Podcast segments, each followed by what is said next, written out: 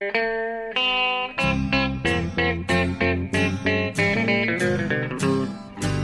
out there, we're on the air. It's hockey night tonight. Tension grows, the whistle blows, and the puck goes down the ice. The goalie jumps and the players bump, and the fans all go insane. Someone roars, Bobby scores at the good old hockey game. Oh, the good old hockey game is the best game you can name. And the best game you can name is the good old... Hallå, hallå, hallå, hallå, hallå där, hallå där, hallå. Hallå ja! Eh, och välkomna till NHL-podcasten. Mitt i högsommaren.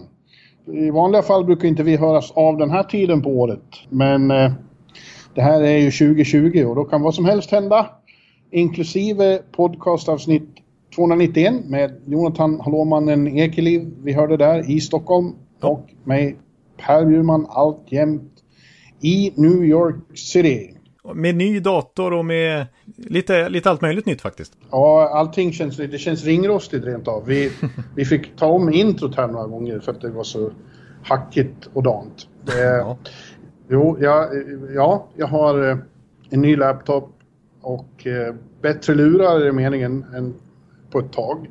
Ja. Uh, men du är ändå uh, lite concerned av att det brusar i bakgrunden och det är airconditioningen. Men den måste vara på. Om jag slår av den nu då, då smälter jag bort här under inspelningen. Ja, då blir, det inga, då blir inga fler NHL-poddar. Då får vi lägga ner helt då. Liksom. För då, då, då, ja. Det kommer inte gå helt enkelt. Ja, ja det är ju eh, högsommar i New York. Ot, otroligt hett och fuktigt och eh, svårt, eh, svårt att leva. Så att airconditioningen brummar i alla rum på, på full spätta. Ja, det kan jag tänka mig. Kan jag tänka mig. Ja, och som du säger, det är, det är lite märkligt här att vi nu, alltså när vi ska prata den här podden så är det på något vis som att vi ska snacka upp hockey igen. För att egentligen, ja. jag menar, som du sa, vi skulle inte ha spelat in en podd vid det här laget. Vi skulle ha spelat in vår sista för säsongen för några dagar sedan. När vi, vi brukar ha en sån här mastodontpodd på två, tre timmar när vi går igenom hela liksom draften, hela free agency-starten och liksom bara ja. gör bokslut på säsongen. Men nu är det tvärtom. Nu ska vi konstatera att det kommer bli hockey den här sommaren helt enkelt. Ja, ja det är väldigt underligt. Vi har ju dessutom då haft ett tre veckor långt uppehåll här. Det inte har funnits så mycket att prata om. Nej, precis. Eh, och vi har ägnat oss åt annat, eh, både du och jag. Eh, ja. Men ja, det är ju bara att hacka i sig det. Det är att försöka jabba upp nerven igen, men det är ju så konstigt. Alltså, det har ju nästan nu gått längre sedan vi såg hockey än vad det brukar göra under ett normalt sommaruppehåll.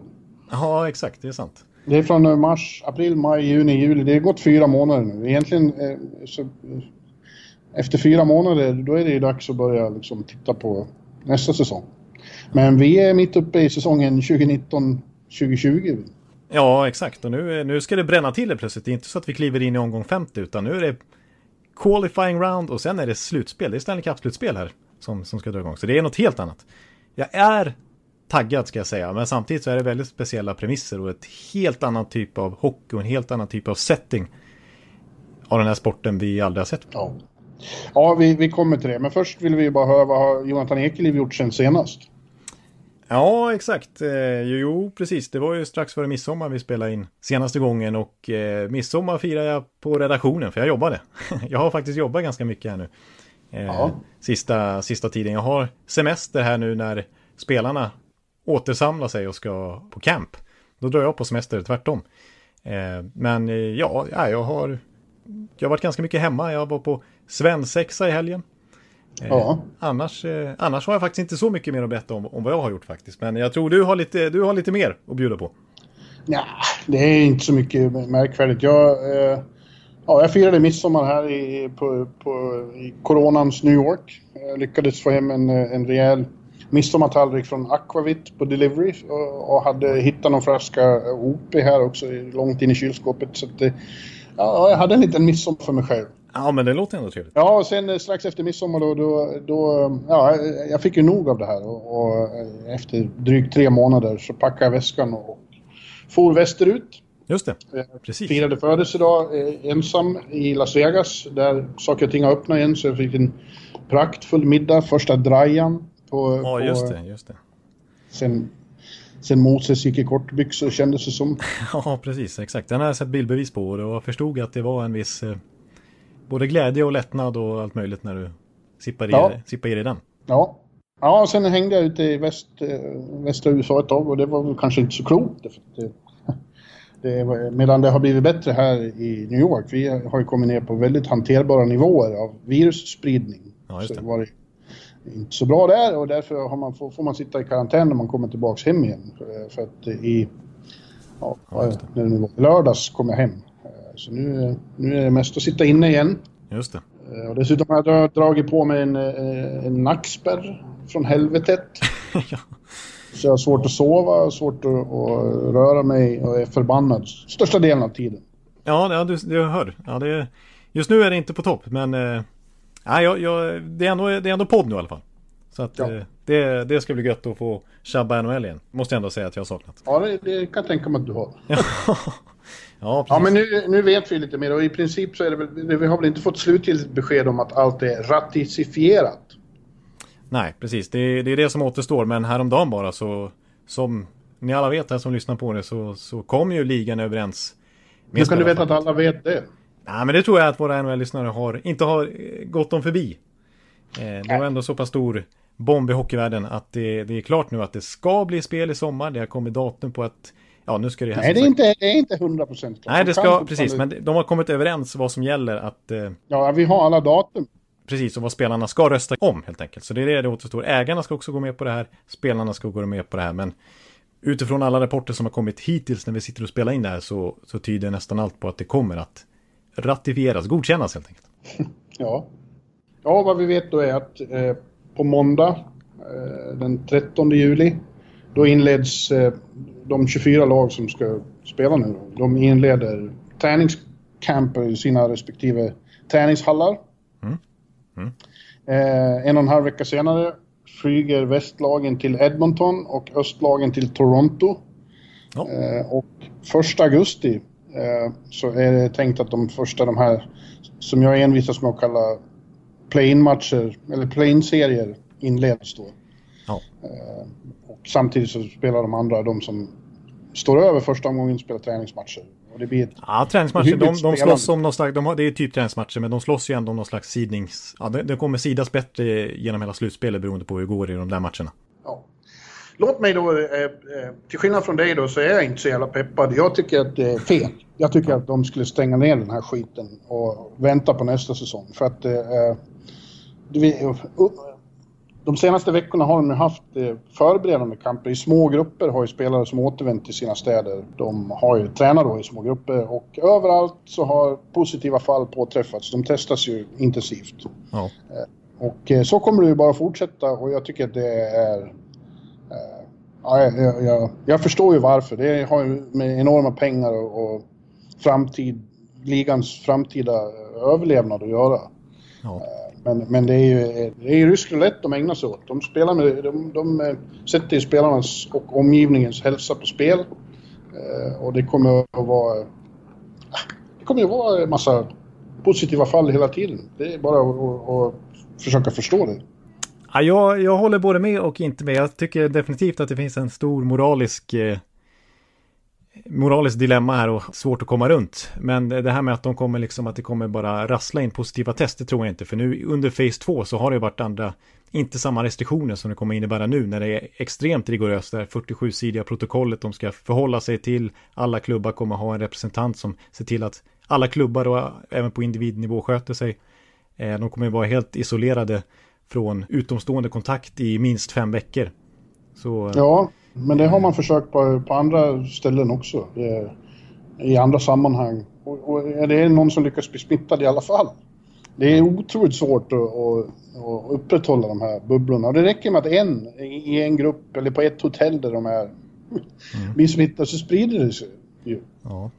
ja, precis. Men nu alla spelare, alla ledare, inte bara alla som tillhör en klubb utan till och med hotellpersonalen, de som städar rummen, de som gör maten i hotellrestaurangen ska alltså testas ja. dagligen.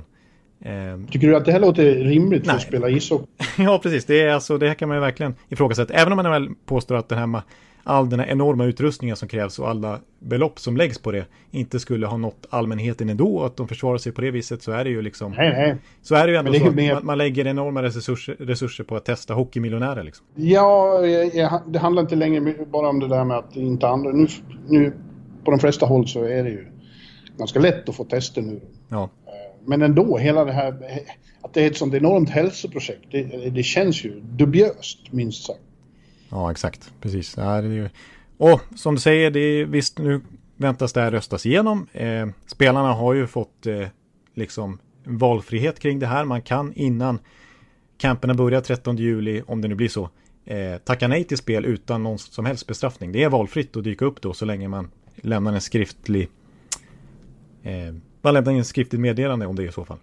Ja. Eh, även läkare kommer konsultera spelare och gå igenom alltså om det är underliggande sjukdomar, om de tillhör en riskgrupp och i så fall borde stoppas. Vi har ju några sådana fall i exempelvis typ 1-diabetiker som Max Domi och Capo Cacco som kanske inte kommer få komma till spel.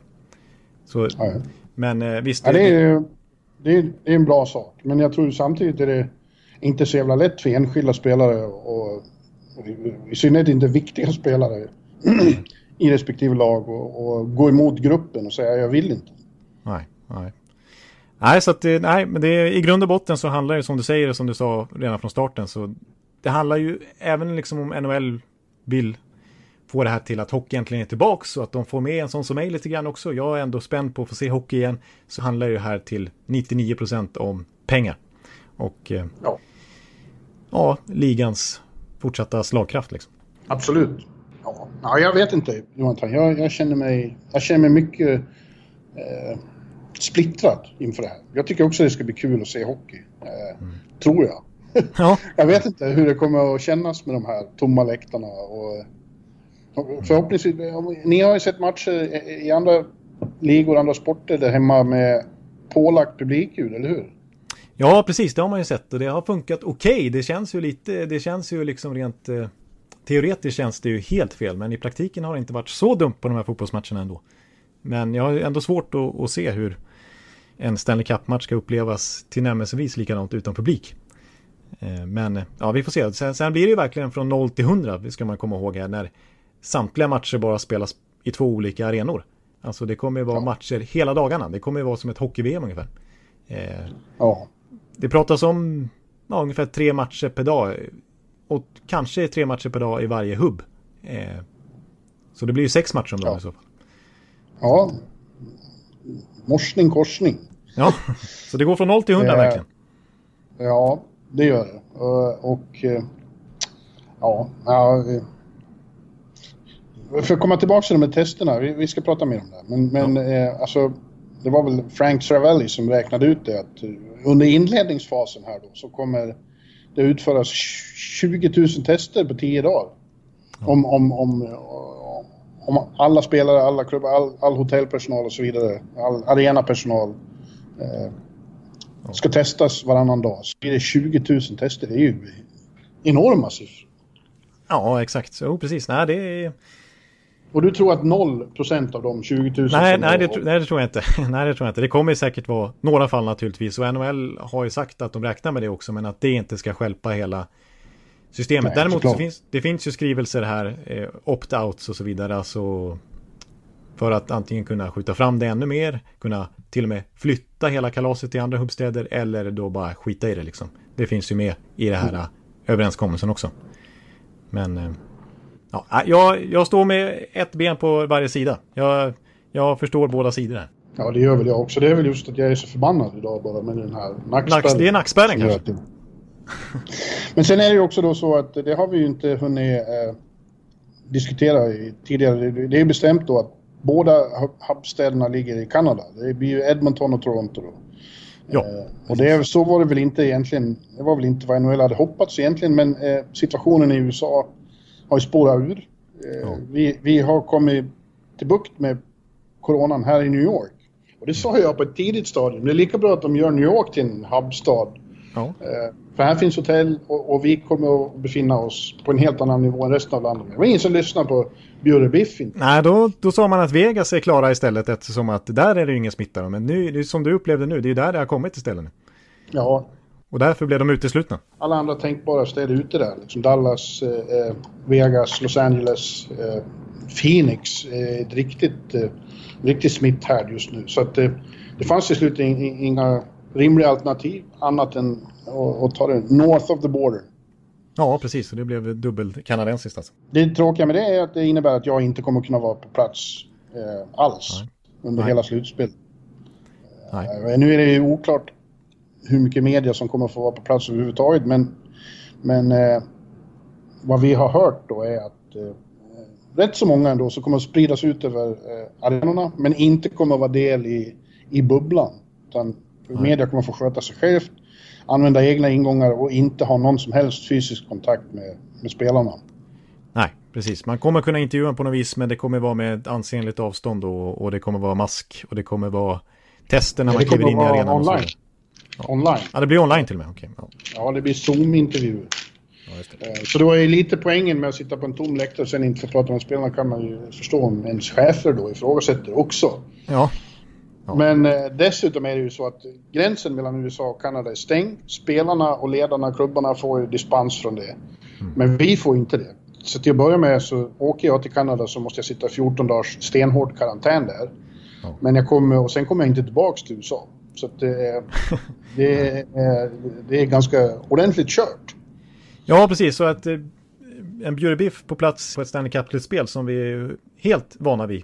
Det, det blir det inte den här gången.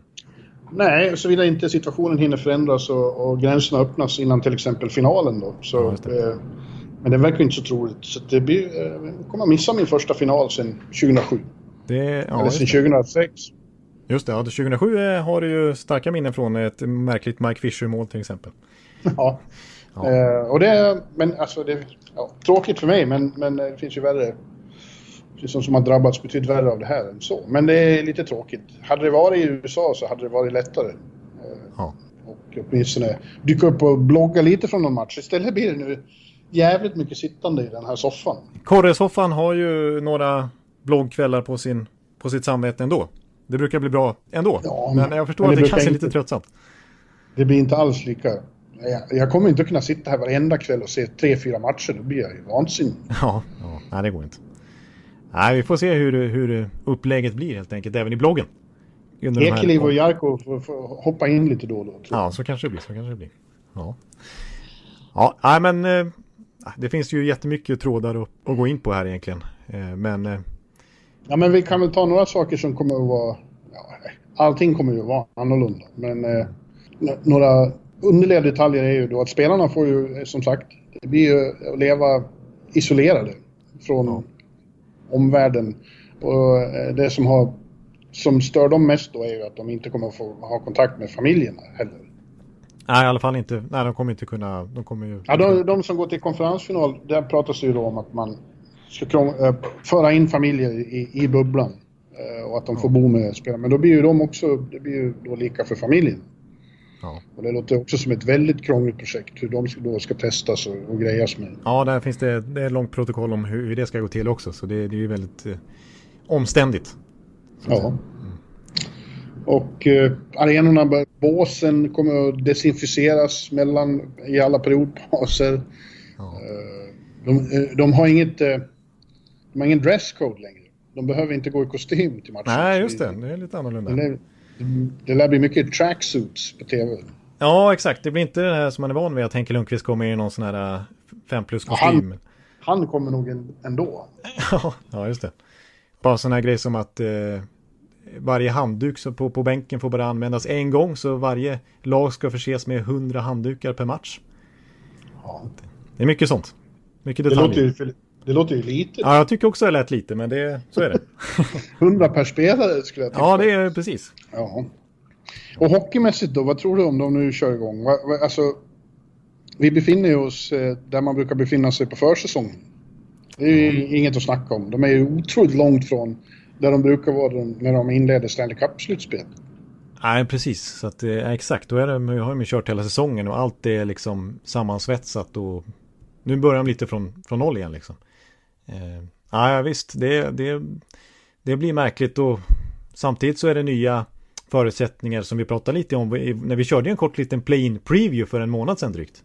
Ja. Det är ju faktiskt så att många skadade spelare till exempel kommer tillbaks. Att många har ju fullständiga trupper på det viset. Så det är, det är liksom maximal slagkraft så. Men det är klart att det blir annorlunda när, när man har haft fyra månaders break och helt plötsligt ska sätta igång igen. Och att, att det kommer spela in på olika sätt för olika lag. Alltså vilka kommer påverkas positivt och vilka kommer påverkas negativt. Det har ju spekulerat mycket om det här om typ unga lag kommer påverkas positivt eftersom att de kanske lättare komma i form och sådär. Eller att äldre lag med, med rutin och, och så sammansvetsade laget Boston som har spelat ihop i många år, att det kommer vara lättare för dem att, att hitta spelet igen snabbt. Ja. Det finns mycket teorier. Ja, ja det, är väldigt, det känns väldigt... Eh, alltså, all bets are off. Det känns som det verkligen är en nystart och det går inte att förutse någonting, tycker jag. Nej, det känns otroligt svårt att, att veta vart det här kommer sluta. Eh, och vilket lag som ja. faktiskt kommer vinna det här. Ja. Men du, eh, jag funderar på om vi ska dra upp lite kring det faktum att det också har förlängts ett CBA. Det är ju en jättenyhet. Ja, jag tänkte, mm.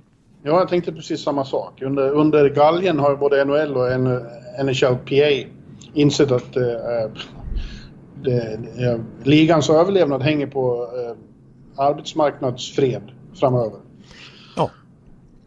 Så båda har väl fått eh, äta en del de egentligen inte skulle ha gjort i vanliga fall. Men eh, är ju i princip överens om ett nytt eh, kollektivavtal då, som sträcker sig fram till säsongen 25-26.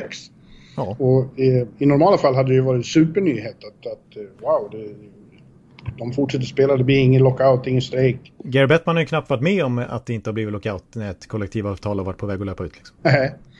Nej, men nu, nu eh, är ju omständigheterna minst sagt extrema. Ja. Så att eh, de har ju insett att eh, alltså om de bara om något år skulle börja tjafsa om och inte spela igen. Det skulle inte gå. Då kapsejsar hela systemet, hela ligans ja. framtid ja. står ju på spel. Liksom. Så att, och som du säger, alltså, det verkligen den här coronapandemin är ju den stora anledningen till det. Men NHL befinner sig i en oerhört viktig, viktigt läge annars också med tanke på att ett nytt tv-avtal inom något år här ska förhandlas fram, vilket är otroligt viktigt för ekonomiska förutsättningarna. Och sen ska ett ny, nytt lag in i ligan också nästa, näst, nästa säsong. Mm. Sådana grejer påverkar också, då är det inte läge och, att det blir liksom en lockout eh, heller. Så att det, det är många faktorer som gör att samtliga parter här måste krypa upp ur skyttegravarna och, och verkligen hjälpas åt. Och till och med Gary Bettman då, som alltid brukar vara väldigt svåra att göra med när det kommer till vid förhandlingsbordet. Liksom. Och Gary Bettman är bara en förlängning av ägarna. Eh, det är inte han som bestämmer, det är de som han är anlitad av. Ja. De 31 klubbarnas ägare. Ja. Så i praktiken är det ja. ägarna mot spelarna eh, som sitter och fightas. Men innan vi går in på det vill jag bara slänga in brasklappen också. Det är ju ingen som vet hur, den här pandemin utvecklas under hösten och vintern heller. Det är inget som Nej. är givet med att, att vi är klara med det här i januari och att det kan vara som vanligt igen. Nej. Nej, det här kan få... Eller ens om ett år. Liksom. Det, det, som, som, utvecklingen är i USA, det, det går som jävla gräsbrand fortfarande, den här smittan. Eh, ja. Mm. Allt, allt är fortfarande uppe i luften. Liksom. Ja, precis. Och det som har liksom slagits fast nu, det kanske inte funkar alls om ett halvår eller ett år. Det måste Nej, när det inte finns några pengar. Nej, precis. För det är ju... Så är det verkligen.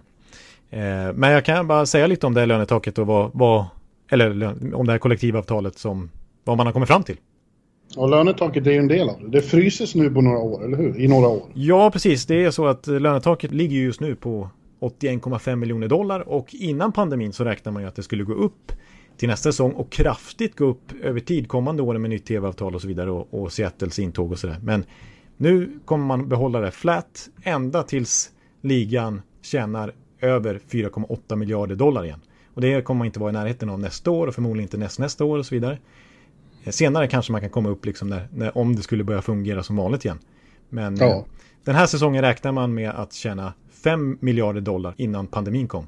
Eh, så att ja, det kommer dröja ett tag innan NHL når de summorna igen. Och tills vidare då så ligger man på, på 81,5 miljoner dollar i löntak. Så här är det faktiskt att lönetaket är ju normalt sett eh, så utgår ju det från ligans totala intäkter Alltså det är därför mm. det skulle ha höjts då i och med att ligan skulle tjänat 5 miljarder den här säsongen egentligen. Men i och med att de går miste om över en miljard intäkter nu så skulle pratas det om att lönetaket utifrån de liksom parametrarna som avgör den summan skulle ha landat på 65 miljoner, 65 miljoner dollar. Alltså inte 81 som det, alltså gått ner till 65 miljoner dollar.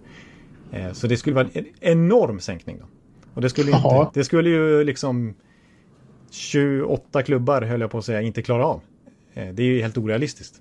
Så där, ja. det, det, är en anledning till. Och skulle man ändå göra det så skulle spelarna vara enorma förlorare på det också. För att vi har ju pratat mycket om escrow som de inte gillar. Att de måste ge upp en viss del av lönekakan om, de inte, om ligan inte liksom tjänar tillräckligt mycket pengar.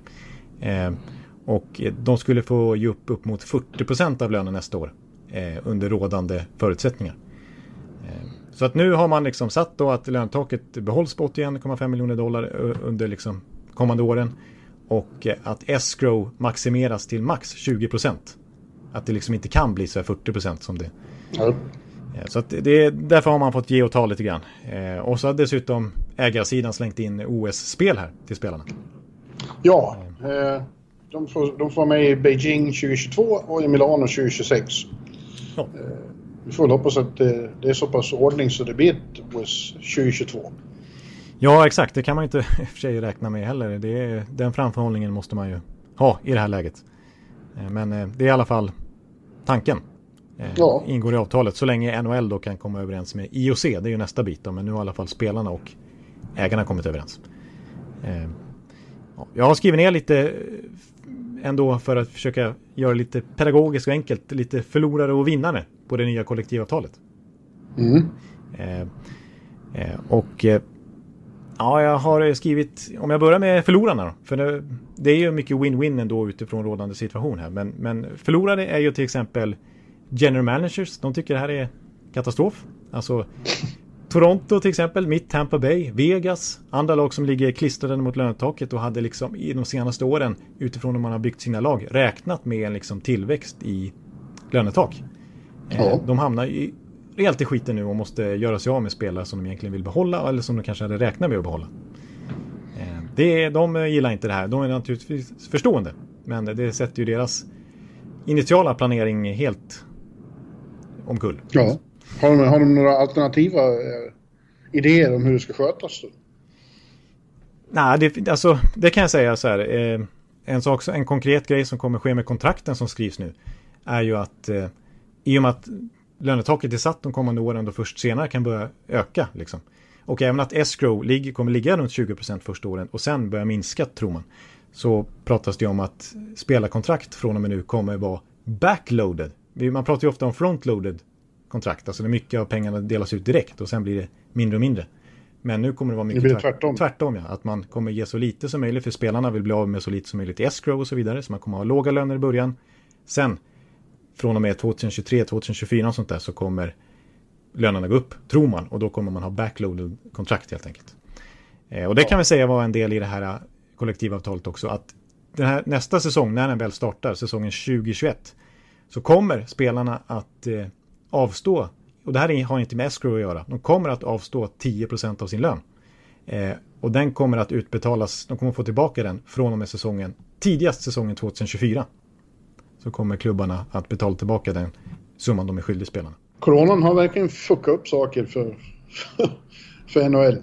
Ja. För proffsligan. Ja. ja, verkligen. Jag, jag tar en till förlorare här och det är eh, Free Agents. Alltså sådana som hade räknat med att skriva sina stora kontrakt den här sommaren. Alltså just nu. Vi skulle ha summerat vart Taylor Hall hamnar, vart Alex Pietrangelo om han skulle ha lämnat St. Louis, vart Braden Holtby skulle ha signat någonstans. Och de hade ju räknat med feta kontrakt. Men nu finns det inga pengar i NHL.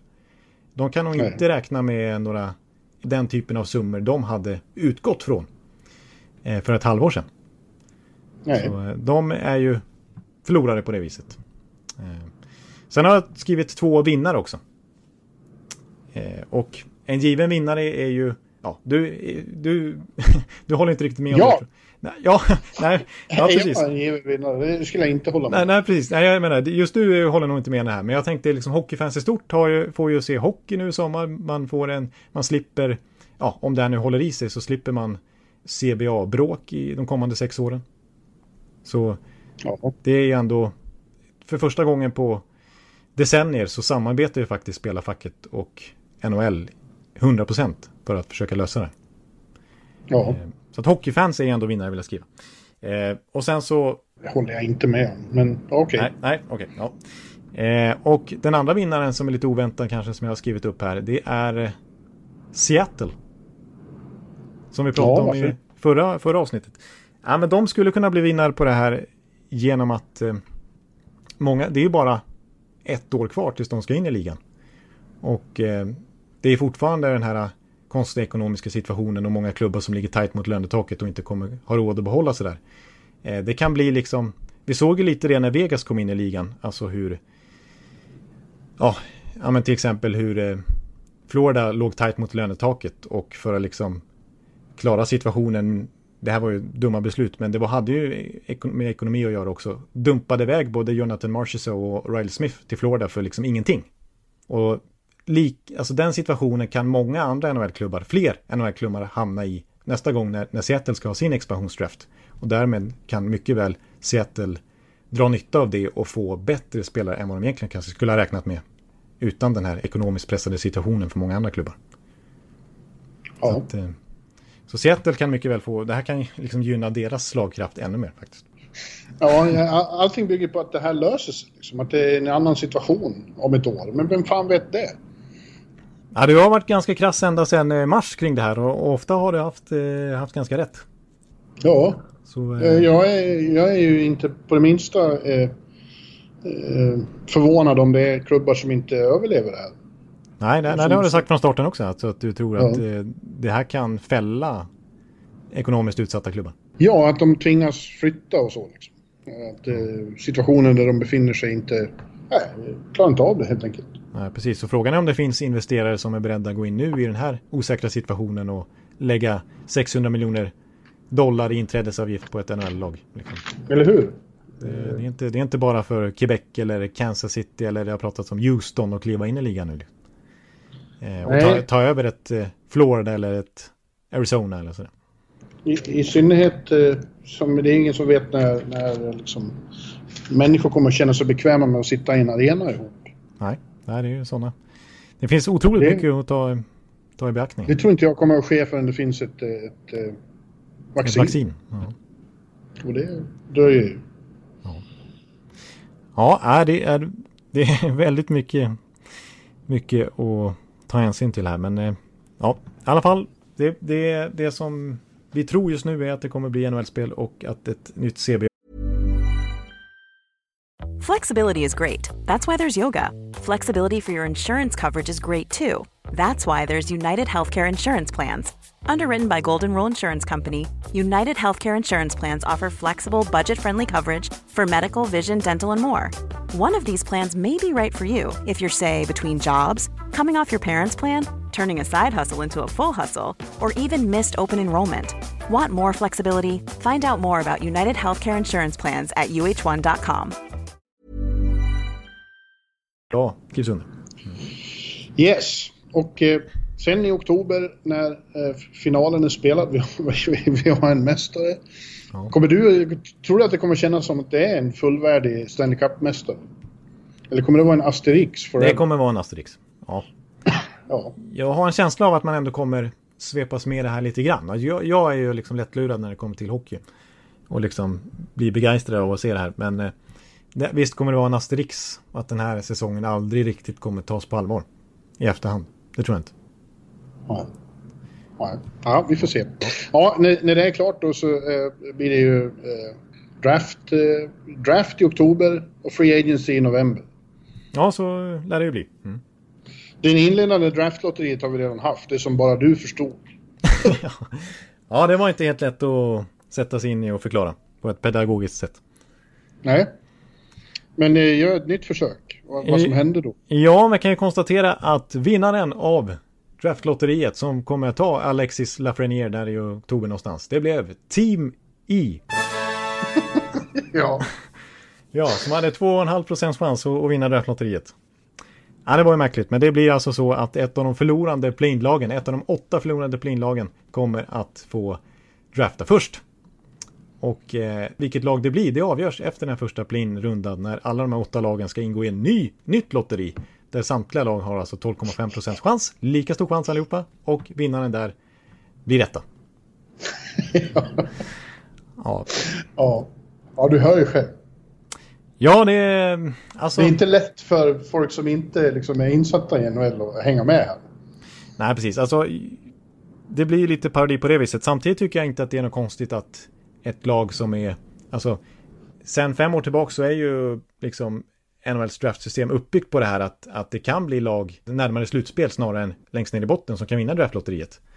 Eh, det, det tycker jag är, är rätt. Liksom, jag menar Detroit som slutade dyngsist den här säsongen, de, de ramlar ner till fjärde plats. För man vill inte att det ska lö löna sig liksom att, att tanka för mycket. Det var ju parodi till exempel eh, precis året där när de ändrade reglerna när, när, när Conor McDavid skulle gå nummer ett och, Buffalo och Arizona kämpade stenhårt om att komma sist. Och Buffalo-fansen ställde sig upp och jublade när Arizona avgjorde övertid hemma i Buffalo. Liksom. eh, nu, nu, så nu, är det ju, nu blir det ju så här. Eh, eh, men eh, ja, det, det, för att göra det lite enklare så hade man kunnat genomföra hela lotteriet efter första rundan. Så man hade haft alla lag liksom klara istället för att de hetat Team I och Team F och Team B. Ja, ja till exempel. Då hade det varit mycket det. lättare att förstå. Men men det hade ju att göra med att man, man genomförde det här nu för att man ville få bass kring NHL. Liksom. Eh... Ja, de fick ju mest skäll tycker jag. Ja, de fick, det här blev ju lite kontraproduktivt. Liksom. Ja, men, men så eh... som sagt. Eh, det blir väl eh, spännande att se. Och sen är det då som sagt Free Agency första november. Ja. Då brukar vi vara inne i Movember. Just det, då är det Movember och du vet eh, där tabellen sätter sig där vid Thanksgiving. Ja. Och, och, sånt brukar vi diskutera men då ska vi helt plötsligt eh, diskutera vart eh, Taylor Hall hamnar eller Robin Lehner, blir han kvar i Vegas? Blir det, blir det nytt lag? Jakob Markström? Förlänger han med ja. Vancouver? Mm. Ja, vi får vänta på... Ja, vi ska vänta ett halvår till på de diskussionerna. Och sen nästa säsong då börjar tidigast i december men förmodligen januari. Ja. Jag gör mig... Min, min Eh, lilla, lilla förhoppning är att jag kan komma till Sverige till jul. Ja, just det. Ja, det blir... Just nu går det inte. Alltså, ja, jag kan ta mig till Sverige, men då kan jag inte ta mig tillbaks hit. Ja. Så att eh, allt är väldigt komplicerat och jobbigt på det sättet. Jag skulle väldigt gärna komma hem och träffa familj och så. Ja, ja det förstår jag. Ja, nu vart det tungt här. Men eh, ja. ja. på riktigt. Ja. Eh, men eh, vi, vi sätter förhoppningar. Vi försöker. Jag försöker vara lika positiv som NHL och tro att det här är över då. Att man åtminstone kan resa fram och tillbaks. Ja. ja, det får vi verkligen hoppas. Jul har inte varit i Sverige sedan 2003. Nej, just det. Ja, det, är, det, det, är ju någonting positivt i alla fall. Som ja. förhoppningsvis blir av. Nej, men eh, jag, jag tänker att eh, Ja, jag skulle ju kunna babbla på jättemycket om draftlotteriet här egentligen och att eh, LA... Gör det då? Ja, ja. Eh, nej men att LA till exempel, de eh, klev ju upp till andra plats. Det är inget man pratar om, men, men de låg ju, hade fjärde bästa odds inför och gick upp två snäpp. Och eh, jag tycker plötsligt att de känns ganska spännande här på sikt. Vi har ju pratat om det, deras prospect pool, att de faktiskt lite i skymundan har byggt upp en otroligt stark prospect pool med kanske inte de här absolut tyngsta supernamnen liksom. Det är ju inga Conor McDavids de har på gång, men ja, de är liksom JVMs poängkung Samuel Fagemo, Tobias Björnfot i svensk väg och så ja, men andra spännande liksom som, ja nu blir det lite nördigt där men Alex Turcott och eh, Artur Kaljev. Det var många spännande namn. Och nu så gick de alltså upp till andra platsen och förmodligen kommer ta Quinton Byfield som de flesta tror kommer gå nummer två. Som är så här lite Anse Kopitar, majestätisk, storväxt center. Eh, mm. som, som kan forma en fin one-two punch där med Kopitar faktiskt. Så att eh, helt plötsligt har LA väldigt många spännande unga pusselbitar. Jag tror att de kommer vara topplag om kanske bara två, tre år. Faktiskt. Ja. ja. Det som var så hopplöst för några år sedan. Ja, det går snabbt. Det vänder snabbt ibland. Ja, ja jag måste ändå ge lite cred till Rob Blake som har fått så mycket skit. Och de, har, de har draftat väldigt bra och eh, de har lyckats hantera den här jobbiga situationen som de satte sig själva i efter att ha belönat alla gamla Stanley Cup-vinnare med tunga kontrakt till att eh, faktiskt ha genomfört en rebuild som känns väldigt lyckad. Skulle kunna bli lyckad. Få höra vilka åtta lag som eh, kan få, som du tror kommer vara med och slåss om eh, draftettan.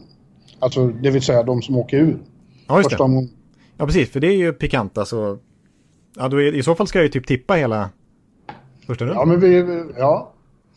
ja, det kommer vi fortsätta göra tror jag längre fram. Men spontant då? Eh... Spontant ja. Bör vi, vilka du tror så ska jag säga vilka som får dem. Ja, just det. Okej. Okay. Um, nu, ska vi, nu ska vi ta fram, här har vi. Montreal, Pittsburgh. Uh, ja, där, blir, där vinner ju Pittsburgh. Men jag tänkte alltså att Lafreniere skulle kunna hamna i Pittsburgh. ja. Eller i Nashville. Alltså, ja. det kan ju bli så nu. Mm. Ja. Eh, nej, men jag säger Pittsburgh, så då är Montreal som är ett av lagen då som kan vinna. Mm. Rangers Carolina. Carolina får chansen. Ja, du, du tror det, men jag, jag tror att Carolina tar den serien att det blir Rangers. Ja, nej, tror inte jag. Nej. Columbus... Eh, nej, vänta nu. Fl Florida Islanders först. Ja. Eh, ja, där säger jag att... Eh, jag säger att Florida åker ur faktiskt. Ja. Eh, och så eh, Columbus-Toronto då. Ja, det, det, det, trots mardrömstrauma förra året där så säger jag att Columbus de ryker i första rundan i år. Mm. Ja, det är jag inte så säker på. Tänk om man hamnar i Toronto. Det är också en stor grej. Precis, och Columbus är ett av de lagen som verkligen får tillbaka spelare från skador också. Ja. Ja, så Chicago och Edmonton. Han kan hamna i Edmonton också. Ja, precis. Precis som alla andra höll jag på att säga, draftet då. Eh, Ja, men då säger jag, där, där blir det Edmonton som går vidare och Chicago åker ur. Ja. Arizona, Nashville? Ja, jag säger att Nashville går vidare och att eh, Arizona vinner draftlotteriet eftersom Taylor Hall är där. Han har ju vunnit sex draftlotterier. Både i Edmonton och, och New Jersey. Att, mm. Ja, ja. Uh, Minnesota, Vancouver. Vancouver går vidare. Och Winnipeg, Calgary. Calgary går vidare. Jag säger Winnipeg går vidare. Ja. Ja, men vi enas om att Arizona då eh, vinner draftlotteriet till slut. Ja, precis. Så det blir där Lafreniere hamnar. Okej, okay. bra. Ja, ja, Arizona kanske får lite upprättelse efter att ha blivit blåsta på McDavid 2015. Ja. Där, där var, gjorde vi klart det. Ja, det gjorde vi. det är lite, som sagt, det är lite ringrostigt. Vi har inte samma flow som vanligt. Eh, det är lite konstigt när det inte är säsong och det är mitt i sommaren och, och ett tag sedan. Ja, precis. Men jag tror vi... Jag ber om, jag ber om ursäkt. du ber om ursäkt, ja. Ja, vi får väl be om ursäkt i så fall. Men, eh, men eh, vi kommer nog in i det här också. Ja, det kommer vi. Eh, om vi får se nästa vecka, då har väl camperna börjat. Då vet vi kanske lite mer om, om något. Om vi gör en nästa vecka, jag vet inte. Ja, vi får känna efter lite. Vi kanske är lite, ja det kan mycket väl bli en, men vi, vi känner efter lite hur det, hur det blir. Vi är lite, ja vi, vi mjukstartar lite grann här igen. Ja. Så får vi se hur, hur det blir. Men jag tänker innan vi avslutar så skulle vi kunna nämna någonting om Hall of Fame också. Ja, precis. Vi hoppades att äh, återigen att Daniel Alfredsson skulle bli äh, aktuell, men det blev han inte. Nej. Han blev inte invald i år heller. Utan, äh, ja, det var några givna där. Iginla förstås, på första försöket. Ja. Marian Hossa på första försöket. Ja. Ja, men det... Han har svårt att protestera mot det. Nej, det är ju superbra spelare. Jag menar, Hossa tre Stanley Cup-titlar och en fantastisk karriär. Om jag tycker att Daniel Alfredsson är på Hossa-nivå. Alltså... Ja, det är ju väldigt upprört i Ottawa där han är gud. Eh, och ja. De anser att han ska vara given. Eh, men han blir uppenbarligen en sån här som kommer att hänga kvar några år. Precis som det finns ju några till. Lindros gjorde ju det länge och Mogilny är fortfarande inte invald. Precis, Mogilny som jag tycker är en riktig Hall of Fame liksom, typ. Alltså han som ändå bröt barriären där för ryska spelare. Den första desertera Sovjet att åka över. Han har en 76 målsäsong. Han är den tredje ja. bästa poängplockaren genom tiderna bland ryssar i NHL. Och ändå är han inte med i Hall of Fame. Ja, det är många som tycker att eh, de eh, borde... Det är så hemligt hur de tänker och röstar och så. Det borde vara mer eh, transparency i den där Hall of Fame-processen. Ja. Det håller jag med om också. Att, att det ska vara liksom tydligare hur man har resonerat och varför man har valt just den man har valt. Men ähm, ja, för jag menar som sagt, alltså Alfie, vi, kan ju, vi ska inte gå igenom hela hans karriär, men det finns ju mycket som tyder på att han skulle vara med. Det är ju det är ofta det här med om man inte har vunnit Stanley Cup, så, så det talar det emot den liksom. Ja. Eh, men i Ginla hade inte heller vunnit Stanley Cup. Precis. Och visst, Ginla är en superikon för sin klubb och så här, men det är ju verkligen Alfie också. Ja. Menar, man, man räknar ju dessutom in internationella insatser här. Alfredsson var med i OS-guldet 2006. Även om det är liksom Foppa, Lida, Sudden-mål att man kommer ihåg så var Alfred den som gjorde mest poäng av alla svenskar i den turneringen. Låt mig låta riktigt sur och säga, hade han varit kanadensare hade han varit invald. Ja, jag, jag skulle vilja säga att det är så. För att ja. jämför man liksom, visst är Ginla kanske en större målskytt, eller det är han ju än vad Elfie var, men poängmässigt sett eh, under, den, under Alfis karriär och Ginlas karriär så är de på liksom... Det är, det är, det är inte så stor skillnad. Nej. Och jag menar, Alfie när de gick till final 2007, han, gjorde, han vann skytteligan i det slutspelet faktiskt. Han gjorde 13 kassar för Ottawa då. Så han var nära. Han gjorde sitt bästa för, för att ta Ottawa till den där titeln. Ja. Ja. Ja, ja. Eh, nästa år Ja, ja. vet du. Vet du vilka som ska in och, och vara med i balloten då som man kan rösta på då? Nej, inte på rak arm. Då är det bröderna Sedin och Henrik Zetterberg. Ja, just det. Ja, Bröderna Sedin tror jag, de blir ju invalda samtidigt. Ja, de tar två platser då. Zäta, ja, jag tycker att han ska med. Men det beror på vilka som är med. Fler är med och konkurrerar. Ja, precis. Nej, det är ju exakt. Och det är Alfie igen som de ska konkurrera med. Mogilny och... Ja, ta, ta in alla, alla blir svenskar, det skulle ju vara fint tycker jag. Ja, ja, exakt. Vem vet, det känns ju inte liksom... Ja, det, alla har ju verkligen case för att vara med i Hall of Fame. Men eh, jag tror också på Sedinarna. Båda två, såklart.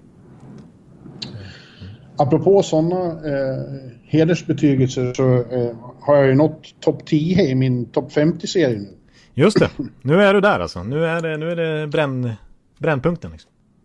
Ja, man märker det i mejlen också. Det är fler som är väldigt engagerade nu i vem som ska komma var. Ja, exakt. Men det var du inställd på. Och jag har förvarnat dig. Ja, i början var det inte så, så många som bråkade om att Kjell Samuelsson var nummer 50 och så. Nej, nej, nej, nej exakt. Mm. Men nu att, eh, ja exakt, att eh, Håkan Loob där på tionde plats. Ja, Och, eh, och Vic, på nionde. Ja, precis. Så jag, jag, eh, om jag ska bråka här och skicka mail så ja, jag håller Kent, Kenta, en, även om jag inte var med på hans tid så är det en sån där som jag håller väldigt högt. För mig är han runt topp fem. där. Ja, kanske. Det, när jag började med det här tänkte jag inte så mycket. Jag bara sl- slafsade ihop en lista. och tänkte att det blir väl, skulle fylla material, fylla utrymmet. Men ja, ja så, som du förvarnade om. Det, det blir eh, mycket åsikter i slutet. Precis, få saker rör upp så mycket känslor som eh, listor. Eh, en, Ja, precis. en, en eh, gubbe som du håller verkligen högt och jag respekterar dig för att du, du slå, slåss för hans, eh, hans underskattade liksom att, att han måste lyftas, lyftas fram mer. Det är ju på trettonde plats Patrik Sundström. Ja. Ja, verkligen. Då har de, för, då har de före till exempel Henrik Zetterberg och före Marcus Näslund, före Niklas Bäckström till exempel. Ja, Patrik Sundström är nog den som är mest, den mest underskattade svensk, svensken i hockeyhistorien skulle jag säga. Ja. Eh, om, man, om man pratar med de som såg honom och spelade med honom eh, på den tiden så de är ju in awe. Ja. Alltså vi pratar här om, han har ju ett rekord som inte Gretzky har. Nej, åtta poäng i en slutspelsmatch. Ja, det är han och Lemieux som delar på det. Ja. Och Brennan Shannon säger fortfarande att det är den bästa kedjekamrat han någonsin har haft. Och Precis. Brennan så- Shannon har spelat med en och annan bra. Ja, jo exakt. Han har ingått i till exempel eh, det här Detroit-laget eh, 2002 som kanske är liksom modern tids, om vi bortser, ja vi, vi drar ett snitt där vi, jag menar i alla fall 2000-talets bästa lag, så är det. Ja, men jag, jag- jag tycker rent generellt att eh, Sverige är ganska dåligt på att komma ihåg och hedra gamla hjältar. Ja. Det är bara några, några få som har gjort otroligt mycket för landslaget, som Sundin och Foppa och så. De kommer man ju ihåg. Men eh, andra faller alldeles för lätt i glömska tycker jag. ja. Nej, som sagt, alltså när jag liksom kikade närmare på Kentas stor, storhetsperiod i början av 80-talet, på 80-talet så är ju det otroligt imponerande siffror. Han har alltså topp 10 poängsnitt i hela NHL-historien. Ja. Det är, det är- kul att prata med folk om det för att han har ju odlat myten om sig själv som en bohem liksom, som bara hade det här med av, eh, naturbegåvning. Men eh, de understryker att han var extremt ambitiös och tränade upp sitt otroliga skott fram, framförallt enormt mycket hemma i Ösmo. Ja, just det. Precis. Ja. ja, men det är det som är intressant med den här listan då. Att du har ju inte skrivit en egen kommentar om vad du själv tycker. Eller du har inte ringt upp Kenta Nilsson och sagt vad han tycker. Utan du har ju pratat med spelare som har lirat med de här killarna. Och har liksom anekdoter och mer som verkligen kan tala ut om dem. Ja, så är det. Eh, och en annan, en, ett annat eh, eh, Gurebiff-projekt som hann bli klart. Eh, så senast var ju den fiktiva Stanley Cup-finalen. Ja, just det. Det var ju finalen som avgjordes bara några dagar efter vår senaste podd. Så det var den, 20, den 21 juni, då avgjordes finalen i eh, det fiktiva slutspelet. Och lustigt nog så var det ju då de två hubbstäderna eh, som blev... Eh, ja, just det. där, där den fiktiva finalen utspelade. Det hade jag inte, nu när jag tänker på det, hade jag ju inte eh, anat då. Nej, precis. Nej. Men det blev final mellan Edmonton och Toronto och eh, ja, till slut vann Toronto. Game 6 avgjorde de hemma i, i Scotia Bank Arena som den heter nu. Ja, precis. Det var ju, det var ju, det var ju enorma scener där. ja, det var, det var, det kan man säga att det blev. Första titeln alltså bröt förbannelsen sedan 67. Och ja, ja det, det, går knappt att sammanfatta allt som hände där. Men Börje Salming var på plats naturligtvis. Och, och stod och bankade på plexit så ja, petsad var ja, ja, precis. Och eh, jag fastnade för det här måste jag få påpeka att han det var det största han hade upplevt under sina 69 år, men det var också citat stort att få träffa Jonathan Ekeliv som blev en profil under detta fiktiva slutspel. Ja, ja det blev ju det. Det var inte så lite heller. Nej, jag blev någon slags nat kanadensisk nationalikon. Hallå, hallå, hallå. Ja, hallå, hallå, hallå, mannen som, som dyker upp här och var. Ja. ja, men jag då? Jag fick ju sjunga national. Ja, du sjöng nationalsången i, i Edmonton. Eh, och, och blev ja. liksom listetta med dina insatser för våra poddhits. En, ja. Så, ja. ja, alltså eh, så kan det gå. William Nylander. William Nylander ja. blev ju konsumentfinnare. Det var han som kvitterade och avgjorde sen på övertid i Game 6. Mm. ja. hyggligt, hyggligt slutspel. Ja, det får man säga. Ja. vi får se om det blir likadant när det väl... Skulle det bli så här på isen när vi, vi sätter igång, då tror jag att du blir taggad i alla fall. Ja, det kommer jag att bli. Det bara känns ju så konstigt nu när det är juli och nackspärr och, och pandemi och fan hans mormor. Jag tror att det är nackspärren framför allt alltså. När ja. den släpper vet du, då är du igång igen. Ja, ja det ser jag verkligen fram emot. Och då ska, vi, då ska vi spruta ur oss spirituella synpunkter här i podcasten också. Precis, då kommer podden att leva upp igen. Ja, men tänk dig vilka, vilka dagar som det kommer bli. Som du sa, det kommer kanske att spelas tre matcher per Hub City per dag då. Och eh, det, det, går de till förlängning så går de till förlängning. Då får de ju hålla på hur länge som helst. Ja. Ja, så att det kommer vara, alltså det är precis, det går verkligen från 0 till 100. Det är, det är hockey nästan dygnet runt höll jag på att säga. Det kommer vara... Jesus. Ja, det var när man ens slår på tvn så är det hockey. Ja, du måste ju... Du, nu, jag måste få hjälp av sådana som dig. Ja, precis. Nej, du kommer ju inte klara av då, då eh, det. Alltså, det blir så här 100 eh, timmars i vecka på dig. Ja. Ja, ja. ja. ja men, ni, får inte ha, ni får inte ha ihjäl gubbjäveln. Nej, precis. Nej, exakt. Redan upp på nackspärr liksom. Det får räcka. Ja. Men eh, ska vi säga så för den här veckan så får vi se då om vi kanske kommer tillbaks nästa vecka eller senast om två veckor. Ja, senast två veckor så hörs vi igen. Ja, precis. Och tack alla er som har velat ta tillbaka oss. Vi har fått lite liksom rop på sociala medier och mejl och så här att nu, får ni, nu har ni tagit för lång semester, nu måste ni tillbaks. Och det, det är kul. Så att, eh, yes. det, det, det känns skönt. Det, och, och, vi tackar för att ni lyssnar. Det dröjer inte lika lång tid innan ni hör oss igen. Nej, så. ska inte Nej. vi säger hej för den här gången. Hej, hej! Hallå, hallå, hallå! Hallå, hallå, hallå! Alex Chiazot, Joe Luis Arena och Esposito. Esposito. Uttalsproblem, men vi tjötar ändå. Och alla kan vara lugna, inspelningsknappen är på. Bjuder Hanna Kohl, han är grym i sin roll. Från Kållesoffan har han fullständig kontroll på det som händer och sker. Det blir ju allt fler som rattar in hans blogg. Och lyssna på hans podd. One, two, three, speed, so Hallå, hallå, hallå! One, two, three, speed, so Hallå, hallå, hallå! Ekeliv, som är ung och har driv. Verkar stor och stark och känns allmänt massiv. Han hejar på Tampa och älskar Hedman. Sjunger som Sinatra. Ja, och det ser man. Nu är det dags för refräng. Dags för magi, Victor Norén. Du är ett geni. Så stand up at home and remove your hats. Höj volym, för nu är det plats. One, two, three, speed, so Hallå, hallå, hallå! One, two, three, speed, so Hallå, hallå, hallå! One, two, three, speed, so Hallå, hallå, hallå! One, two, three, speed, so Hallå, hallå, hallå! Det är otroligt länge sedan båda samtidigt var så här bra. Hallå, hallå, hallå! Det är otroligt länge sedan båda samtidigt var så här bra.